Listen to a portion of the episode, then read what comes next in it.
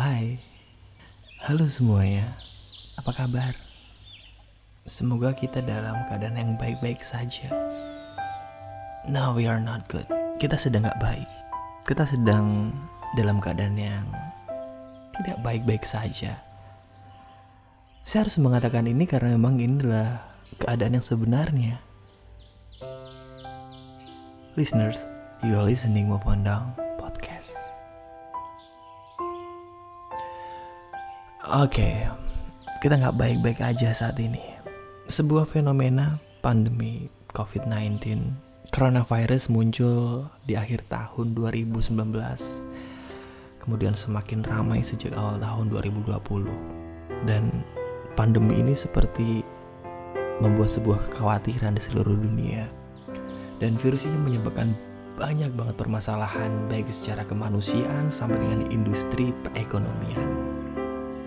Dan karena virus ini juga kita bisa melihat banyak sekali korban yang berjatuhan dan angkanya terus bertambah dari puluhan kemudian ke ratusan ribuan hingga ke ratusan ribu. Dikhawatirkan bisa mencapai jutaan atau bahkan puluhan juta nantinya.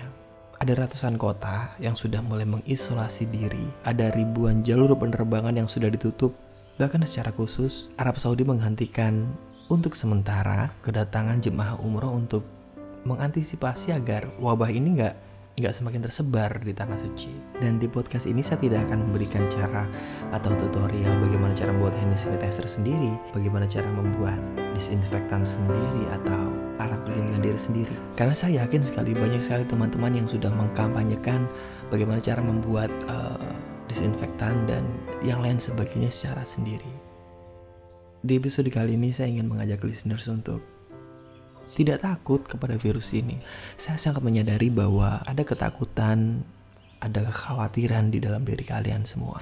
Karena saya pun ikut mengalami kekhawatiran, saya ikut mengalami gejala kepanikan beberapa minggu yang lalu. Dan saya membutuhkan beberapa waktu untuk melihat kejadian luar biasa ini dari sudut pandang yang positif. Karena memang cuma itu yang bisa saya lakukan saat ini. Karena cuma itu yang bisa kita lakukan.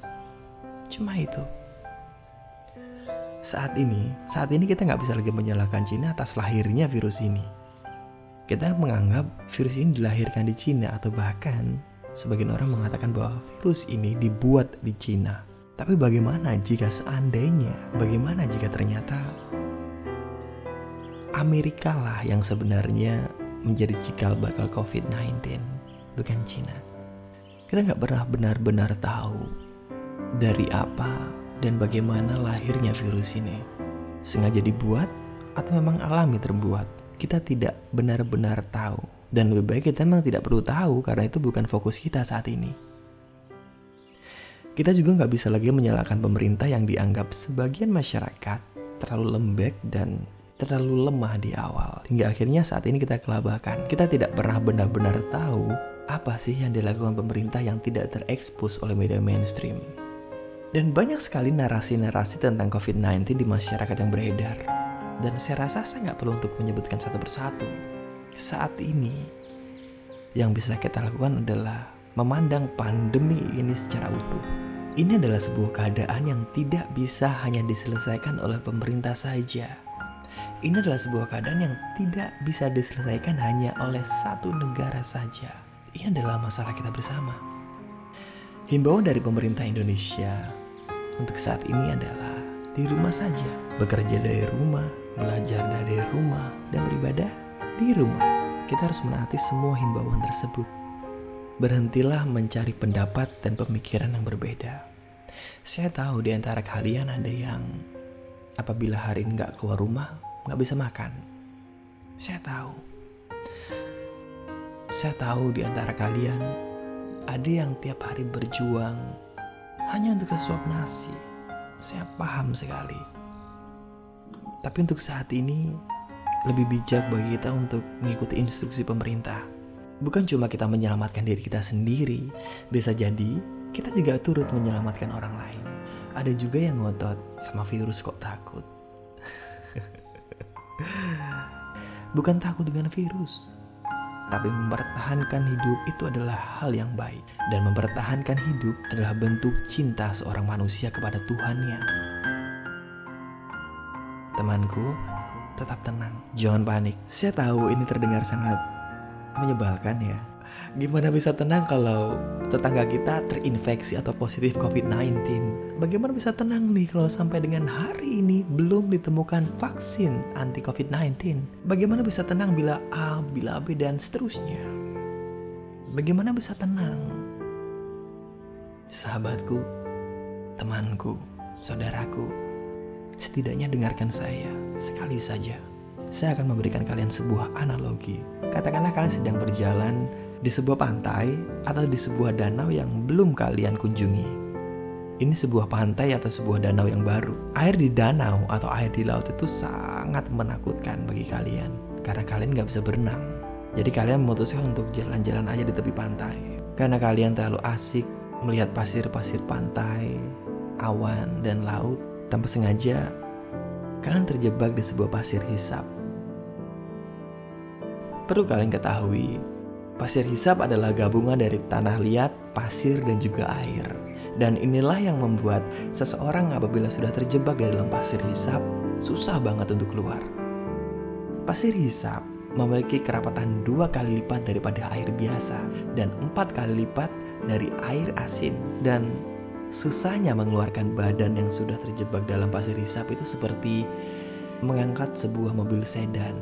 Kalian bisa bayangkan betapa berat dan susahnya keluar dari pasir hisap.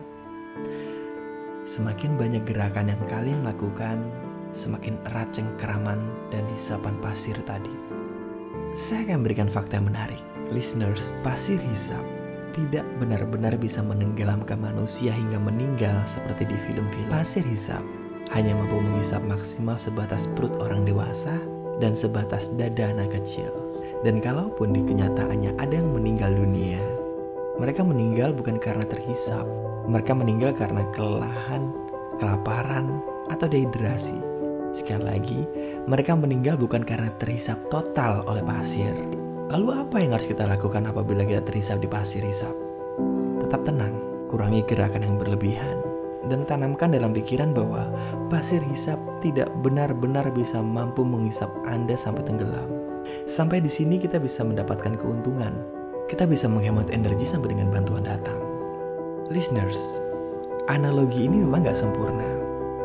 Tapi air danau atau air laut tadi adalah pandemi COVID-19. Dan pasir hisap tadi adalah kepanikan kita. Kita mungkin menghindari COVID-19, tapi justru kita tenggelam dalam kepanikan kita sendiri. Ini adalah dua hal yang berbeda, tapi berdekatan. Kita harus terus melihat hal-hal positif yang terjadi saat ini. Saat ini, semua profesi, semua warna kulit, segala macam bahasa bersatu melawan COVID-19. Aksi solidaritas dan kepedulian sesama muncul dari berbagai macam kalangan, menggeliat dari bawah menuju ke permukaan, menyeruak seperti seorang jenderal perang yang dengan gagah berada di medan pertempuran kita bisa melihat doa lintas agama terjadi di setiap rumah. Kita bisa mendengarkan doa-doa manusia yang penuh dengan kepasrahan. Sebuah fenomena global yang saya katakan jarang terjadi sebelum adanya pandemi ini. Bagaimana apabila seandainya COVID-19 sengaja ditakdirkan untuk ada di dunia ini dengan tujuan memperbaiki tatanan hidup kita agar lebih positif dan baik. Kita nggak pernah tahu. Menghadapi pandemi virus corona memang tentu membuat setiap orang menjadi sangat cemas ya. Dan saat podcast ini saya buat, sudah ada 598.437 kasus coronavirus. Dan dari 598.000 tadi, total kematian sudah mencapai 27.400 kasus kematian. Saya yakin di saat kita mendengarkan counting seperti ini kita akan merasa panik. Kita merasa ini sebuah permasalahan yang menakutkan. Saya tidak akan berbohong bahwa ini memang menakutkan. Tapi keadaan yang menakutkan ini tidak lantas membuat kita berpikir negatif. Dari 27.400 kasus kematian, ada 137.411 kasus yang full recovery. Artinya mereka sembuh. Saat ini, di bulan ketiga, total kesembuhan naik 48% dan total kematian turun 2%. Meskipun total kasus ada kenaikan. Tentunya kita tetap berduka kepada korban yang sudah meninggal dan semoga keluarga yang ditinggalkan diberikan kesabaran. Tentunya kita juga harus bersimpati dan mengucap terima kasih kepada teman-teman yang sudah berada di lini terdepan pergerakan untuk melawan COVID-19. Teman-teman perawat, teman-teman dokter, teman-teman medis yang lain, kurir yang mendelivery obat, teman-teman di berbagai macam lini yang terus bergerak, terus berbuat, teman-teman relawan, teman-teman donatur, teman-teman yang ya nggak bisa saya sebutkan satu persatu yang sudah mengorbankan waktu, tenaga, keluarga dan yang lain sebagainya. Kalian luar biasa listener dari counting tadi sesuatu yang menarik saat ini belum ditemukan obat yang benar-benar dibuat khusus untuk COVID-19 akan tetapi lebih dari 50% orang yang terjangkit COVID-19 sembuh. Kuncinya adalah imun. Mereka mampu meningkatkan imunitas mereka dengan sangat baik disertai dengan perawatan-perawatan yang baik. Dan tahukah kalian salah satu cara untuk meningkatkan imunitas adalah berpikir positif. Ternyata berpikir positif juga sangat diperlukan untuk menghadapi masa krisis ini.